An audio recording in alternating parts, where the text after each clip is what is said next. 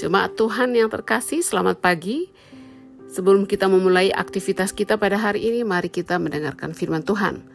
Renungan firman Tuhan pada hari ini akan saya ambil dari Injil Markus pasal 11 dan walaupun Injil Markus pasal 11 ini terdiri dari 33 ayat, saya hanya akan mendasarkan renungan saya pagi hari ini uh, pada Markus 11 ayat 1 sampai 11. Demikian firman Tuhan.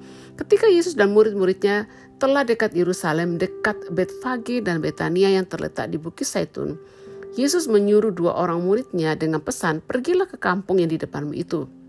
Pada waktu kamu masuk ke situ, kamu akan segera menemukan seekor keledai muda tertambat yang belum pernah ditunggangi orang.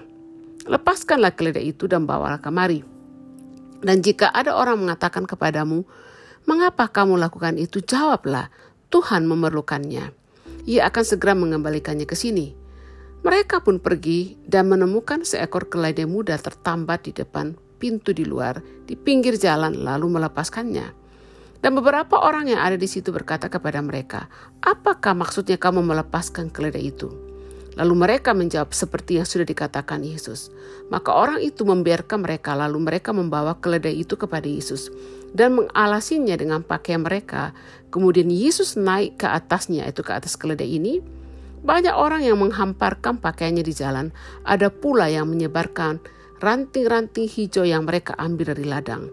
Orang-orang yang berjalan di depan dan mereka yang mengikuti dari belakang berseru, Hosana, diberkati dia yang datang dalam nama Tuhan. Diberkatilah kerajaan yang datang. Kerajaan Bapa kita Daud, Hosana di tempat yang maha tinggi. Sesampainya di Yerusalem, ia masuk ke bait Allah. Di sana ia meninjau semuanya itu. Tetapi sebab hari sudah hampir malam, ia keluar ke Betania bersama dengan kedua belas muridnya. Nah Bapak Ibu Saudara sekalian, dari eh, ayat-ayat ini, itu Markus pasal 1 ayat 1 sampai 11 ini adalah kisah bagaimana Yesus masuk ke Yerusalem, dielulukan dengan dia menunggangi seekor keledai. Nah, Bapak Ibu Saudara sekalian, tema renungan saya pada hari ini berdasarkan ayat-ayat ini saya ingin memberikan uh, tema dengan ketaatan sederhana, pemberian sederhana yang diberikan kepada Yesus akan menghasilkan mujizat yang luar biasa. Nah, Bapak Ibu Saudara sekalian, sebelum masuk kepada renungan ini lebih lanjut, saya ingin memulai dengan uh, perintah yang diberikan kepada murid-murid dikatakan, pergi lepaskanlah keledai, lepaskan keledai yang sedang tertambat karena Allah memerlukannya. Nah ini peristiwa ini terjadi di tempat yang desa yang bernama Betfage. Artinya adalah House of Unripe Figs. Rumah dari pohon ara yang tidak matang. Ini adalah sebuah desa dekat dengan Betani, dekat dengan jalan dari Yerusalem ke Yeriko. Sering Betfage ini sering digambarkan sebagai daerah pinggiran Yerusalem. Tempat ini hanya disebutkan dalam hubungan dengan Yesus dielulukan masuk ke Yerusalem. Ini adalah pandangan dari Nel, yang ditulis dalam Nelson Illustrated Bible Dictionary. Nah, Yesus ini sering mengunjungi desa-desa, kota-kota, dan tempat-tempat dengan berjalan kaki. Nah, dia biasa naik jalan kaki bersama dengan murid-muridnya. Tetapi mengapa tiba-tiba Yesus ingin naik keledai? Ya, kemudian kalau memang Yesus ingin memerlukan kendaraan uh, zaman itu tidak ada mobil ya, tidak ada Grab, tidak ada taksi. Kalau memang Yesus memerlukan uh, alat angkut untuk mengangkut dia, membawa dia dari tempat desa yang satu ke desa yang lain kan dia harusnya mungkin naik kuda kah? Tapi mengapa dia ingin naik keledai? Kemudian dia malah Yesus memerintahkan murid-muridnya untuk melepaskan keledai muda yang belum pernah ditunggangi dan aneh kan Yesus biasanya jalan kaki. Kenapa dia tiba-tiba nak ingin naik naik keledai? Ya, mengapa dia tiba-tiba ingin naik uh, uh, ingin berjalan yang biasanya berjalan kaki? Mengapa tiba-tiba ingin naik keledai? Nah, binatang yang Yesus pilih ini adalah binatang yang lamban, bodoh. Jadi kan aneh. Yesus ada keanehan di situ. Yesus tiba-tiba ingin naik keledai yang biasanya dia jalan kaki. Kemudian kenapa memilih binatang yang lamban dan bodoh? Yesus seharusnya memilih kuda yang gagah untuk memproklamirkan dirinya sebagai Mesias yang diurapi.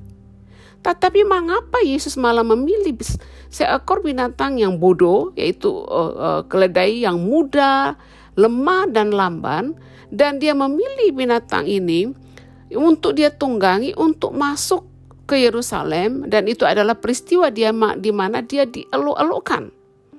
Nah, di dalam uh, bagian catatan lain yang dicatat oleh Injil mengenai kisah ini dalam Matius uh, pasal 21 ayat 5 ada pernyataan di situ yang dikutip dari Sakaria 9 ayat 9 mengatakan, "Lihat rajamu datang kepadamu, ia lemah lembut dan mengendarai seekor keledai, seekor keledai beban yang mudah." Jadi rupanya hal Yesus masuk ke Yerusalem dengan menunggangi seekor keledai itu sudah dibuatkan oleh Nabi Sakaria. Nah, maka waktu Yesus masuk ke Yerusalem dengan menunggangi seekor uh, keledai adalah tujuan adalah untuk memproklamirkan dirinya sebagai Mesias atau yang diurapi. Nah, dalam Lukas pasal 4 ayat 18 sampai 21 kita tahu kisah ini bahwa setelah Yesus dibaptis, kemudian ada ada masa di mana dia dibawa oleh iblis ke padang gurun dan dicobai dan kemudian di situ setelah itu dia mulai pelayanan dan dia dia masuk ke bait Allah, dia mengambil kitab uh, Yesaya, uh, kemudian dia mulai membaca ini. Dia mengatakan, "Roh Tuhan ada padaku." Oleh sebab ia telah mengurapi aku untuk menyampaikan kabar baik kepada orang-orang miskin dan ia telah mengutus aku untuk memberitakan pembebasan kepada orang-orang tawanan dan penglihatan bagi orang-orang buta, untuk membebaskan orang-orang tertindas, untuk memberitahukan tahun rahmat Tuhan telah datang. Jadi Yesus ini adalah Mesias, dia adalah raja yang diurapi. Dia adalah raja yang diurapi dan apa yang ada dalam diri Yesus itu adalah sudah dinubuatkan oleh nabi-nabi dalam perjanjian lama. Nah, di dalam Alkitab ada beberapa jabatan di mana orang ini diurapi sebelum mereka melakukan tugas mereka. Nah, dalam perjanjian lama, orang-orang yang dipilih, orang-orang yang dipilih untuk melakukan satu tugas tertentu, mereka akan diurapi, yaitu jabatan raja, nabi, imam, hakim, dan lain-lain.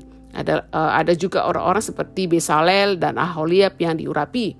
Nah, raja yang diurapi yang disebutkan di dalam Matius pasal 21 ayat 5, lihat rajamu datang kepadamu, ia lemah lembut dan mengendai seekor keledai, seekor keledai beban yang mudah.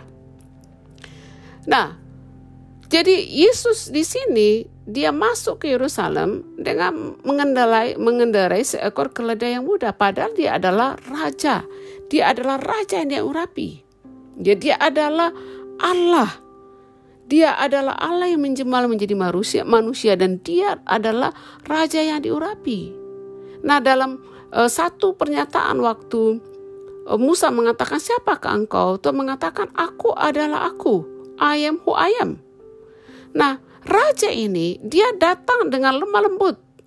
Yang dikatakan dalam Matius pasal 21 ayat 5. Dia datang dengan lemah lembut seorang yang sangat sederhana dan itu nampak dalam kelahirannya jadi raja yang datang ini, Yesus sang raja ini yang menjelma menjadi manusia, dia datang dengan lemah lembut dan lahir dalam kesederhanaan. Dia lahir di keluarga yang sederhana, dia lahir di kandang hewan, kemudian cara dia juga memproklamasikan dirinya sebagai raja adalah dengan menunggangi keledai betina. Kemudian kematiannya juga adalah kematian dengan cara yang sangat rendah. Kita tahu Bapak Ibu Saudara sekalian bahwa bagi orang Romawi, kemat orang yang mati di atas kayu salib adalah hukuman yang pantas bagi penjahat yang sangat jahat. Kemudian bagi orang Yahudi, bagi mereka orang yang disalib itu adalah orang yang terkutuk. Jadi Yesus datang dalam kesederhanaan, dalam dalam memang betul-betul dia berinkarnasi. Dia berinkarnasi bukan hanya dia menjelma menjadi manusia, tetapi dalam hal kelahirannya memang sangat dalam dalam kelahirannya merendahkan diri sedemikian rupa dalam memproklamirkan dirinya sebagai raja juga dengan mengundangi seekor keledai keledai yang masih muda bicara mengenai perendahan diri yang luar biasa. Jadi Yesus ini adalah raja, imam dan hakim dan dia diurapi untuk menyelamatkan umatnya.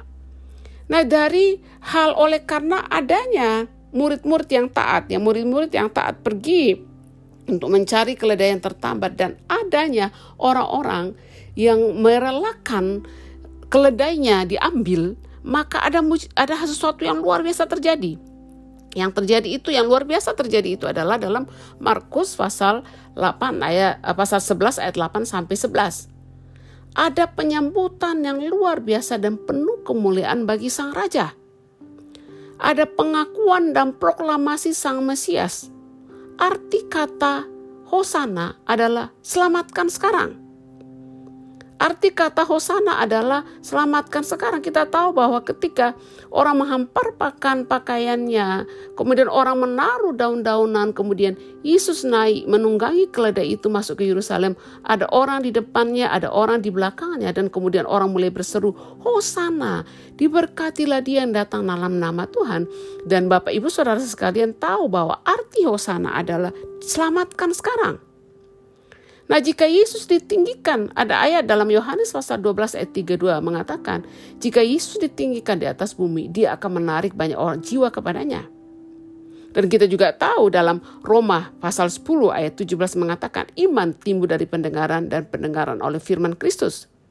Kemudian dalam Roma 10 ayat 9 mengatakan, jika engkau mengaku dengan mulutmu bahwa Yesus adalah Tuhan dan percaya dalam hatimu bahwa Allah menyembangkitkan dia dari kematian, engkau akan diselamatkan.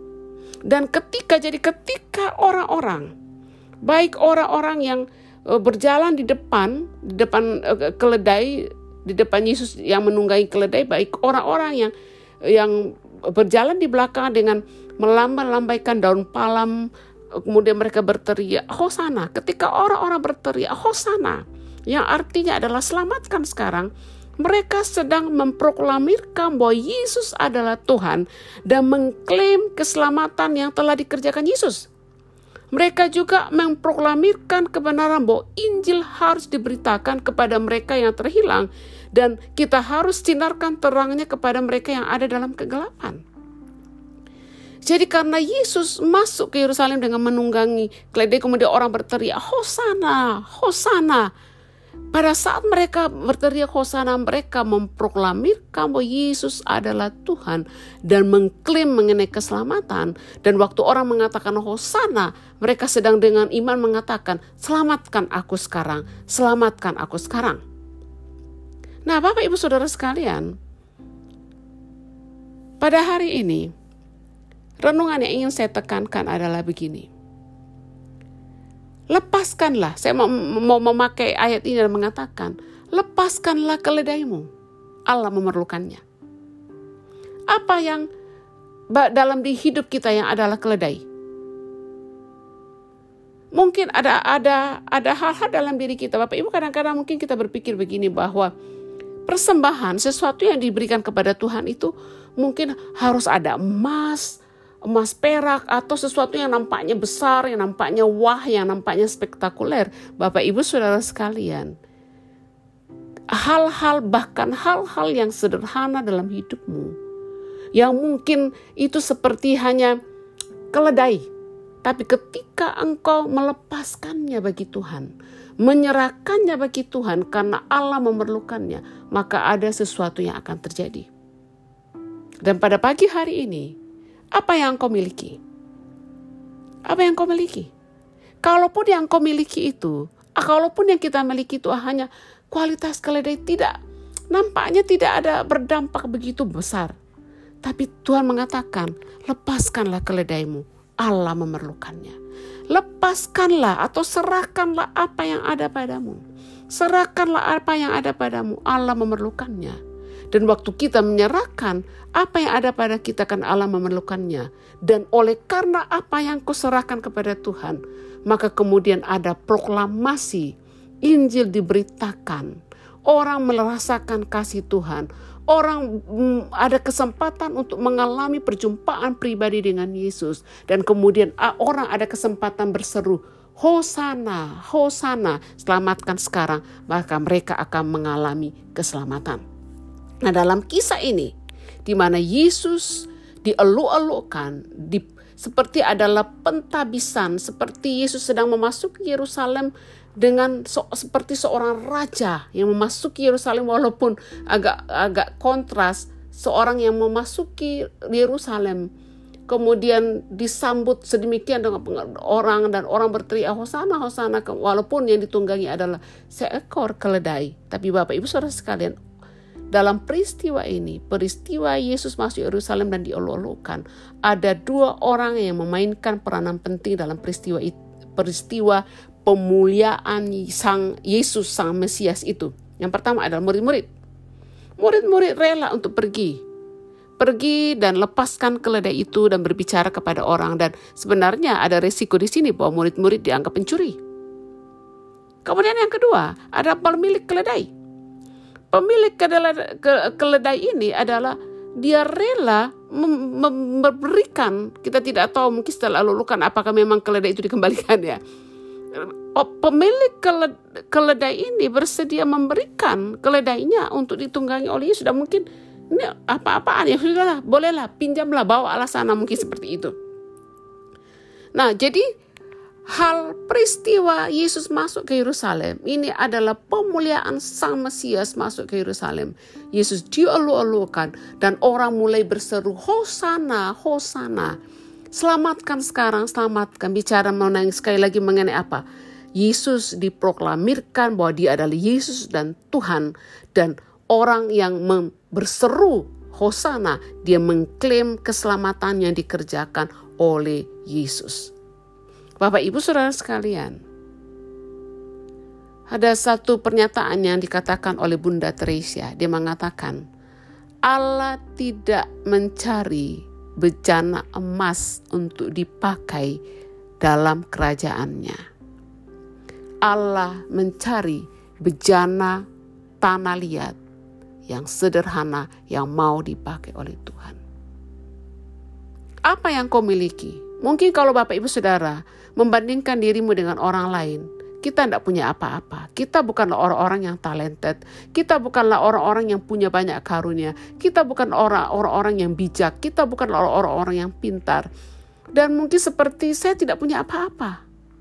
Mungkin kualitas yang kita miliki hanya seperti seekor keledai yang yang lamban yang sebenarnya tidak tidak memenuhi syarat untuk dipakai Keledai ini tidak memenuhi syarat untuk, untuk ditunggangi oleh Yesus untuk masuk ke Yerusalem, untuk dia diolok-olokkan, diproklamirkan sebagai yang diurapi. Tapi Allah membelinya, Allah memerlukannya. Dan pada pagi hari ini, Bapak Ibu Saudara sekalian, dengarkanlah bahwa apa pun yang kau miliki, berikanlah kepada Tuhan, Allah memerlukannya. Dan waktu engkau memberikan apa yang kau miliki? Apakah itu mungkin hanya kualitasnya seperti tidak layak, tidak pantas, tidak cocok, mungkin seperti keledai itu. Tapi berikanlah kepada Tuhan, lepaskanlah keledai itu karena Allah memerlukannya. Dan waktu keledai ini diserahkan, orang pasti tidak lagi melihat keledai itu. Waktu mengeluhkan Hosana, Hosana diberkatilah dia. Tapi orang melihat Yesus dan Bapak Ibu Saudara sekalian, waktu engkau memberikan apa yang kau miliki, walaupun itu sederhana, berikan kepada Tuhan, Allah memerlukannya. Maka engkau akan melihat melalui pemberianmu, melalui penyerahan hidupmu kepadanya, melalui apa pun yang kau berikan kepadanya. Apakah yang kau berikan kepadanya adalah hartamu, talentamu, ataukah dirimu yang mungkin kita berkata bahwa aku ini tidak layak sebenarnya. Aku ini kalau mau dilihat kualitasku, aku seperti keledai itu. Tapi serahkanlah, berikanlah dirimu kepada Tuhan.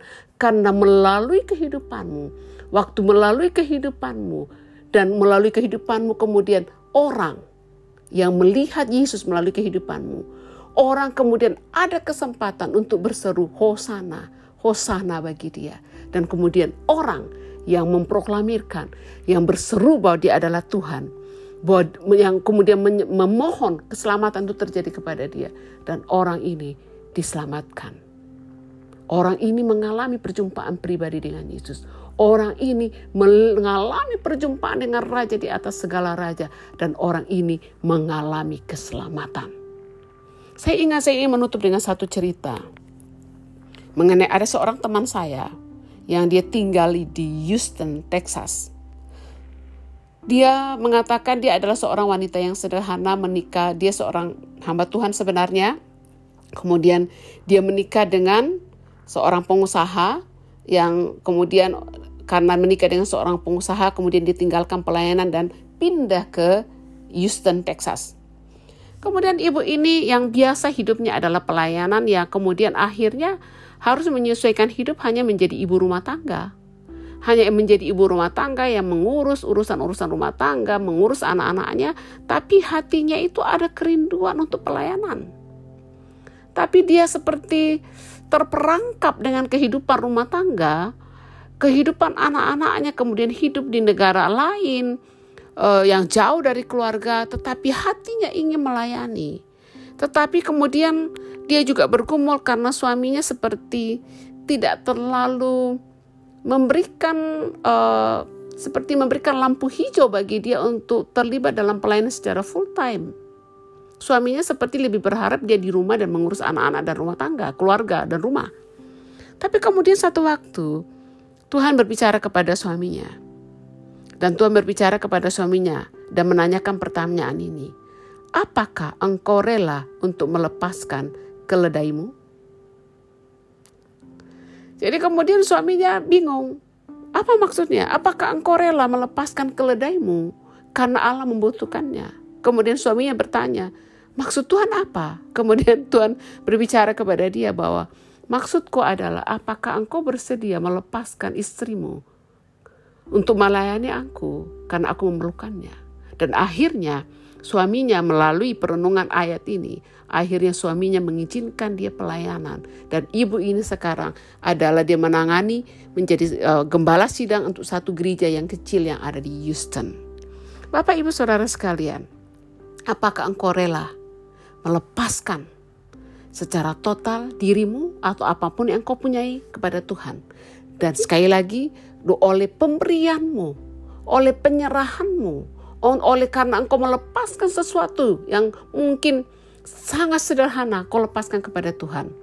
Dan melalui pemberianmu, melalui sesuatu yang kau lepaskan, kemudian orang ada kesempatan untuk mengalami perjumpaan pribadi dengan Tuhan. Dan orang-orang itu kemudian bisa berseru, Hosana, Hosana. Dan kemudian keselamatan menjadi milik orang-orang tersebut. Bapak Ibu Saudara sekalian, mari serahkan hidup kita kepada Tuhan. Dan serahkan apa pun yang Tuhan minta dari hidupmu. Tuhan memberkati kita sekalian. Shalom dan selamat beraktivitas. Amin.